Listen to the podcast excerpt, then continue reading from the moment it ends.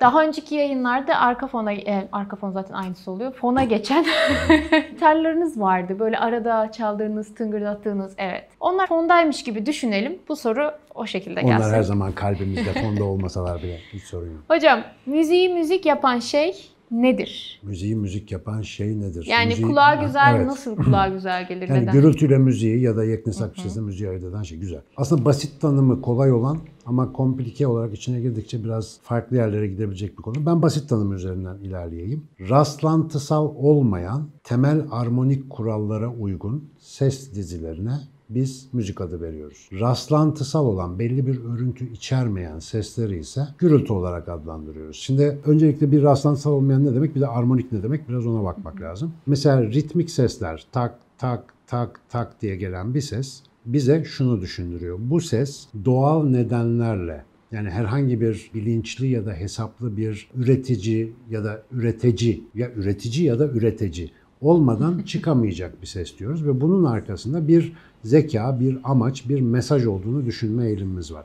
Dolayısıyla bir kere tekrarlı sesler bizim dikkatimizi çekiyor. Sadece bizim değil, yeni doğmuş bebekler üzerine yapılan testler var. Daha evvel çokça zikretmiştik bunu. Yeni doğan bebeklere soru sorup cevap alamadınız ve kafaların içinden ne geçtiğini bilmeniz çok kolay olmadığı için çocuklarda bir şeye ne kadar uzun süre dikkat kesiliyorlar buna bakarak aslında testler yapıyoruz. Mesela çocuklar dağınık dağınık gelen vuruş seslerine çok ilgi göstermiyorlar. Ama ne zaman bir şeyler ritmik vurmaya başlasa çocuk mesela burada bir şeyle ilgilenirken böyle oraya dikkat kesiliyor. Mesela 3-5 saniye burada kalınca anlıyorsun ki çocuğun ilgisini çektik. Ritmik sesler bebekliğimizden beri bizim ilgimizi çekiyor. Demek ki evrimsel donanımımızda böyle bir şey var. Artı bu ritmin üzerine inşa edilmiş birbiriyle uzun zaman skalaları içerisinde, uzun derken bu 2-3 saniye de olabilir, birkaç dakika da olabilir. Uzun zaman skalaları içerisinde anlamlı bir bütünlük ve tekrar gösteren örüntüler de yine dikkatimizi çekiyor. Bunlara da melodi adını veriyoruz. Tabi bugün müzikte arkada bir ritim, üstte bir melodi duyarız genellikle. Hani yalın kat dinlediğimizde.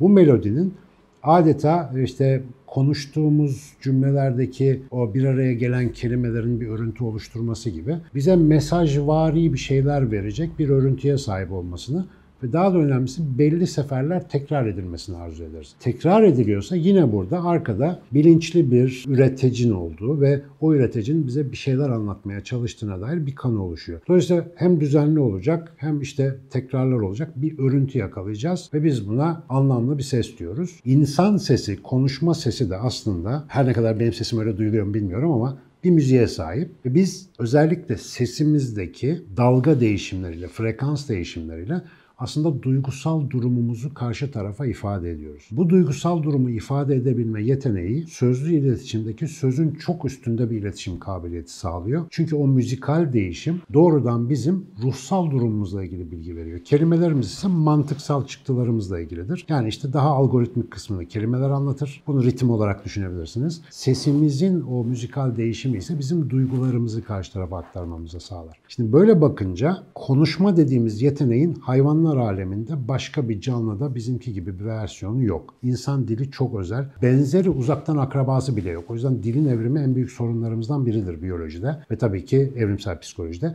Nasıl ortaya çıktığını henüz çözemedik. Bir öncül örnek yok üzerinde konuşabileceğimiz. Fakat her nasıl olduysa bir şekilde olmuş. Bu kadar gelişkin bir yetenek şu anlamada geliyor. Beynimizde konuşmayla ilgili özellikle bu ses değişimleri ve duygu aktarımla ilgili müthiş bir analiz sistemi var demek anlamına geliyor bu. Ve gerçekten de işitme alanımız ve anlama alanlarımız ses frekanslarındaki mesajları çözümleyebilmek üzere çok ileri düzeyde yetenek kazanmış milyonlarca yıl içerisinde. Bu nedenle sadece ve sadece insan beyni bu müzikal değişimlerden mesaj çıkarabiliyor ve bizden başka müzikten anlayan canlı yok. Ve insan sesi müzikli olduğu için de dışarıdan ses frekanslarının belli kombinasyonlarını belli amaçlarla bir araya getirerek insanları güldürebilen, ağlatabilen, moralini düzeltebilen ya da bozabilen müzikal hacklemeler yani müzik parçaları yapabiliyoruz. Aslında müziğin bizdeki etkisi konuşma ve konuşmadaki ses dalgalarını anlama sistemini farklı bir araç yoluyla biraz manipüle etmeye dayanıyor. Bizim müziği sevme sebebimiz aslında insan sesine çok ince ayarlı olmamızdan geliyor. Bu farklılık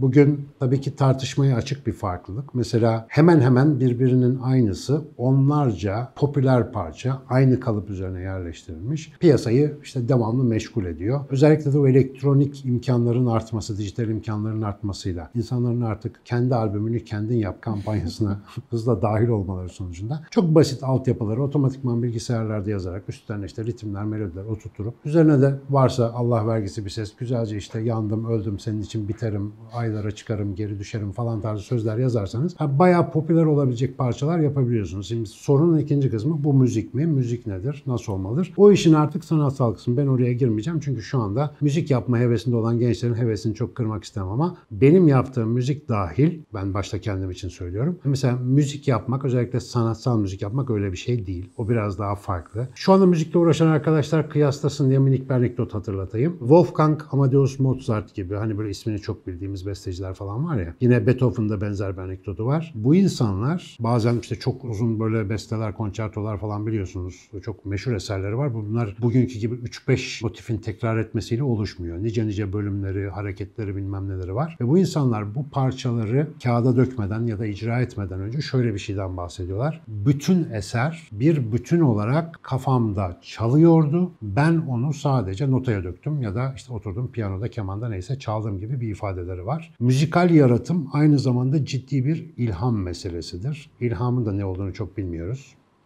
Ya bilmeyi çok isterdim ama bilemiyoruz onu. Bir anda zihnimizde böyle örtüşen, birbiriyle birleşen ve yeni bir şeyler ortaya çıkaran bir şey ilham. Yani tanım yaparken şey kullanılmaz biliyorum. Türkçe öğretmenleri coşmasın ama bir şey yani ne olduğunu bilmiyoruz. İçsel bir işte doğuşkan fikir diyelim. Bu fikir her insana gelmez. Bu fikir bir kere geldiği insana da böyle saat başı gelmez. Çok özel koşullar ister, çok özel zihinler ister, çok özel meşguliyetler ister. Müzikal yaratımın o yüzden bir sanatsal kısmı, bir zanaatsal kısmı vardır. Onu da unutmamak lazım. Her şey müzik mi? Evet aslında ritmik olan, anlamlı olan her şey müzik ama her şey sanat eseri bir müzik mi? İşte o biraz tartışılır. O yüzden müzik yaparken müziğin ilk öğrenilme kısmında işin ritmini, armonisini bilmem nesini öğrenmemiz lazım. Ama ondan sonra eğer ilham işini istiyorsak bunun için biraz konuyla hemhal olup işin içinde erimemiz, onda böyle fani olmamız gerekiyor. Orada biraz dağılmamız. Ondan sonra belki bir şeyler gelir. Bana biraz bir ara besteler öyle geliyordu gençken. Çünkü günde 8 saat gitar çaldığım dönemler vardı. Böyle bir şey uyanmaya başlamıştı ki tam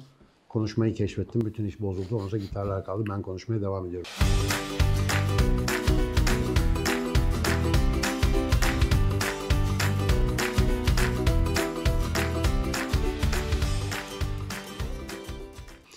İkinci kısmı da özellikle Pisagor'un çalışmalarını falan filan takip ederseniz yani bir bakarsanız şöyle tarihe birçok ünlü matematik kuramı aslında ses dalgalarının ya da farklı ses frekanslarının birbiriyle uyum ve uyumsuzluğundan esinlenerek türetilmiş. Bizim mesela şu gerilen bir telin titreşmesi şeklinde basitçe gördüğümüz olay bu işle yakından ilgilenen düşünür ve matematikçileri yüzyıllardır meşgul etmiş. Çünkü siz doğada herhangi bir nesneyi titreştirdiğinizde o nesneden bir ana frekans alıyorsunuz. Yani bir ses tonu alıyorsunuz ama o ses tonunun altında çok farklı doğuşkan frekanslar dediğimiz yan frekanslar da çıkıyor. Ve bu yan frekanslar frekanslar o titreştirdiğiniz madde malzeme neyse onun özellikleriyle alakalı. O yüzden mesela la notası her yerde 440 Hz ama piyano la notası vurduğunda başka bir ses duyuyorsunuz. İşte keman la notası çektiğinde başka bir ses duyuyorsunuz. Hepsi 440 Hz ama 440 Hz'lik frekansa eşlik eden diğer frekanslar o enstrümanın adeta imzasını oluşturuyor ve siz o imza sayesinde onları ayırt edebiliyorsunuz. Armoni tam burada devreye giriyor. Birbiriyle alakalı ve birbiriyle tınladığında bize hoş gelen seslere biz armonik ses sesler diyoruz. Ve genellikle bir enstrümanın sesinin bize hoş gelmesinin sebebi ana frekansıyla diğer doğuşkan frekanslarının böyle tam da nedenini bilmediğimiz bir şekilde bize hoş gelen bir motif oluşturması. Ve müzikte de zaten yaptığımız özellikle işte müzikle ilgilenen arkadaşlar bilirler. Mesela gitarın tellerine belli bir kombinasyonda basıp şöyle bir vurduğunuzda diye güzel bir ses geliyor. Ay bu ne güzel oldu diyorsun. Ama rastgele bir pozisyonda bastığında diye bir şey geliyor. Diyorsun ki bu ne saçma ses. Çünkü o rastgele bastığında o seslerdeki hesabi uyumu yakalaman çok düşük bir şans. Ama belli nota dizilerini daha önceden öğrendiğin şekilde ve belli bir insicam içerisinde sırayla tınlatırsan hemen hemen bunu duyan bütün kulaklar böyle diyor ki oh güzel oldu yani hoş bir ses geldi. Bu armoniyi algılayabilmek de insanın enteresan bir yeteneği. Ben son olarak çocuklarda yapmayı çok sevdiğim bir testi tekrar hatırlatayım. Çocuk kamplarında böyle çocukları oturtuyordum. Onlara biraz hani müziğin güzelliğinden bahsediyorum ama esas amacım şu. Profesör Bey'in profesörü karşılarına gelmiş. Adamın elinde gitar görsünler. Yani çocuk da özensin. Belki alır iki enstrüman tınlatır falan. Öyle örnek olmaya çalışıyoruz çocuklara. Ama onu yaparken çok ilginç bir şey keşfettim. Mesela ben de öyle çok gitar virtüözü bir adam değilim. İşte Akdeniz akşamlarını çalacak kadar biraz öğrenmişliğimiz var. Ve tım tım tım falan. Çocuklara minör ve majör gamları anlatabilir miyim diye bir deneyim dedim. Mesela ne zaman çocuklara böyle bir la minör akoru vursam bu size ne hissettiriyor desem çocuklar diyorlar ki üzgün. Aa enteresan. Küçücük çocuk 7-8 yaşında çocuk bile onun üzgün bir şey olduğunu anlıyor. Majör bir akor bastığım zaman Aa bu neşeli diyorlar mesela. Bu çocuklara kimse bunu öğretmedi. Bu sesler üzerine özel bir kurs almadılar. Ya da benden sizden farklı bir maruziyet de söz konusu olmadı. Yani özel çocuklar değil bunlar. Dolayısıyla demek ki doğuştan gelen bir şekilde bu nota dizgelerinin bizim için belli kalıp anlamları var. İşte müzik dediğimiz hikaye bunu ne kadar ustaca kullanırsa hayatımıza da o kadar etkili bir şey oluyor. O yüzden dünyanın en büyük sektörlerinden bir tanesi her zaman en azından geçtiğimiz yüzyıldır müzik sektörü. Müziksiz bir hayat olmaz ama müzik kirliliğine de özellikle dikkat etmemizi daha önceki bir videomuzda Ozan şuraya koyar diye tahmin ediyorum. Bahsetmiştik. İnşallah bulursun o videoyu. Söz verdik. Bulacaksın artık. Yapacak bir şey yok. Hocam bu anlatım içinde yeni bir soru geldi aklıma. Seyircilerden gelen soruları alıyorum ama onun karşısında da böyle zihnimde bir cevap da canlandı bir yandan. Bu peki siz çocuklara verdiğiniz ya çocuklarla verdiğiniz örnekte nasıl müzik böyle duygulara temas ediyor kısmını ben de merak ediyorum. Yani nasıl duygularımıza veya işte hüzünlü hissettiğimizde neden gidip mi hüzünlü müzik dinliyoruz veya işte neden müziğin türleri. Yani ruh halimize göre o müziği nasıl seçiyoruz? Yani o benim orası benim en sevdiğim kısım. Daha önce yine bir yerlerde anlatmışımdır muhtemelen. Sıklıkla sunumlarında anlattığım bir konu çünkü bu. Bana garip gelen bir şey var. Benim de başıma geldiği için. Mesela işte sevdiceğinizden ayrıldınız ya da işler kötü gitti falan. Eve gelince böyle işte depeç mod koyup zıng zıng zıng zıplamıyor. Depeç mod hala var mı ya? Hala varmış. Neyse çok eskilerde kalmamış. ya da böyle yani neşeli bir şey koyup neşenizi bulmuyorsunuz. Yani illa gidip böyle damardan acılı bir şey koyup onunla kafayı bulmak istiyorsunuz. Halbuki zaten moralin kötü. Tak neşeli bir şey neşemizi bulalım. Tam tersini yapıyoruz. Bir Niye? araştır- O hazin melodileri dinlediğimizde o sırada yalnızlık ve üzüntü çeken benliğimiz diyor ki bunu yapan beni anlıyor ya. Biz diyor hasbel. Müzik bir iletişim yöntemi aslında. O yüzden neşeli olduğumuz zaman neşeli ezgiler, üzgün olduğumuz zaman da üzgün ezgiler dikkatimizi çekiyor. Çok küçük yaşlarımızdan beri aslında bunu ayırt edebiliyoruz. Bu güzel bir şey. İşte Çocuk şarkıları boşuna lay ediyoruz? lay lom değil. Evet. Nasıl ayırt ediyoruz? Şöyle bir Evet. şey. Ha, Beyinsel olarak soruyorsun. Evet, mi? evet. Güzel. Onu da zaten pek anlatmadık. Onu bir söyleyelim. Müzik yani ses dalgaları kulağımız tarafından algılanıyor. Şimdi kulak kafanın iki yanında aklınızda kalsın. Kulakların hemen arkasında beynin temporal lobları ya da şakak lobları dediğimiz yerler var. Bu işitme duyusunun aldığı sinyaller yani sesten üretilen işte sinirsel sinyaller önce şu ensenize doğru bir gidiyor sonra yukarı beyninize çıkıyor. Esas iş beyinde başlıyor. Beyin önce bu seslerin frekansını bir çözümlüyor. Diyor ki bu müziğe benziyor. Şimdi gürültüyle müziği daha ilk başta bir ayırt ediyor. Ondan sonra hemen yandaki alanlara gönderip diyor ki ya arkadaşlar bize müzik gibi bir şey geldi. Siz şuna bir baksanız yani bunun olayı nedir? Yani bir, biraz daha ileri düzey çözümlesek. Bir tanesi alıyor. İşte bu nota dizgeleri arasındaki uyumlar, armoniler falan onlara bakıyor. Diyor ki bu diyor daha önce duyduğumuz şöyle bir şeye benziyor. Hafızadakilerle karşılaştırmaya başlıyor. Tabii bu arada daha derin duygusal hafızadan da şöyle şeyler çağırıyor. Bu benim sevdiğim bir müzik miydi? Daha önce bu tarz bir şey duymuş muydum? Yani ben bu dili biliyor muyum? O dille karşılaştırıyor. Ve sonra beynimizin ilginç bir şekilde konuşmadaki kelimeleri ve duyguları anlamayla görevli alanına gönderiliyor. Wernicke alanına. Wernicke alanı diyor ki arkadaşlar diyor boru değil Müslüm Baba söylüyor. Damardan girdi. Şu anda diyor çok ağır mevzular geliyor. Beynin hemen hemen bütün duygusal bölgelerine adeta şelale gibi sinyaller gönderiyor. O anda çözümlediği duygu her neyse. Bu duygular bizim özellikle işte limbik sistem dediğimiz iç yapılarda hemen bir elektriklenmeye ve ateşlenmeye sebep oluyor. Buradan sonra iki şey oluyor. Burası önemli. Birincisi yukarı beyin kabuğuna haber gidiyor. Çok üzgün bir şarkı bu. Çok damar bir şarkı. Bunu bir bilinçli olarak bir anlıyoruz. Evet diyoruz bu acılı bir şey. Ama bu sırada çok daha hızlı olarak beynimizin ortasındaki hipotalamus denen bölgeye sinyaller gidiyor. Hipotalamus bizim bütün hormonlarımızı, otomatik sistemlerimizi en üst düzeyde kontrol eden kontrol kulesi. Oraya diyor ki ver acıyı, ver coşkuyu neyse çözülen anlam. Hipotalamus tiroidinizden böbrek üstü bezinize hatta testis ve yumurtalıklarınızdan atıyorum timus bezinize kadar vücutta ne varsa hepsine değişik hormon kokteylleri salgılamak üzere göre sinyaller gönderiyor. Ve tabii ki bu sırada beynimizin kendi iç devrelerinde de asetilkolin, dopamin, serotonin, endorfin, norepinefrin Allah ne verdiyse duruma göre, oradan hissedilen duyguya göre bir takım duygusal boşalımlar oluyor. Ve bütün bu hikaye aslında en güzel sinir bilimciler değil, yine rahmetli Johann Sebastian Bach ifade etmiş. Diyor ki gerçek müzik kadınların gözlerinden yaşlar, erkeklerin gönlünden ateşler çıkarmalıdır. Adamın demek istediği biraz da bu. Hakikaten gerçek müzik size dokunduğunda ağzınız burnunuz kayıyor. Bir de asla aynı insan olmuyorsunuz. O yüzden müzik ciddi iştir. Ağzımızdan girene dikkat ettiğimiz kadar kulağımızdan girene de dikkat edelim. Çünkü bizi bayağı bir etkileyen bir şeyden bahsediyoruz.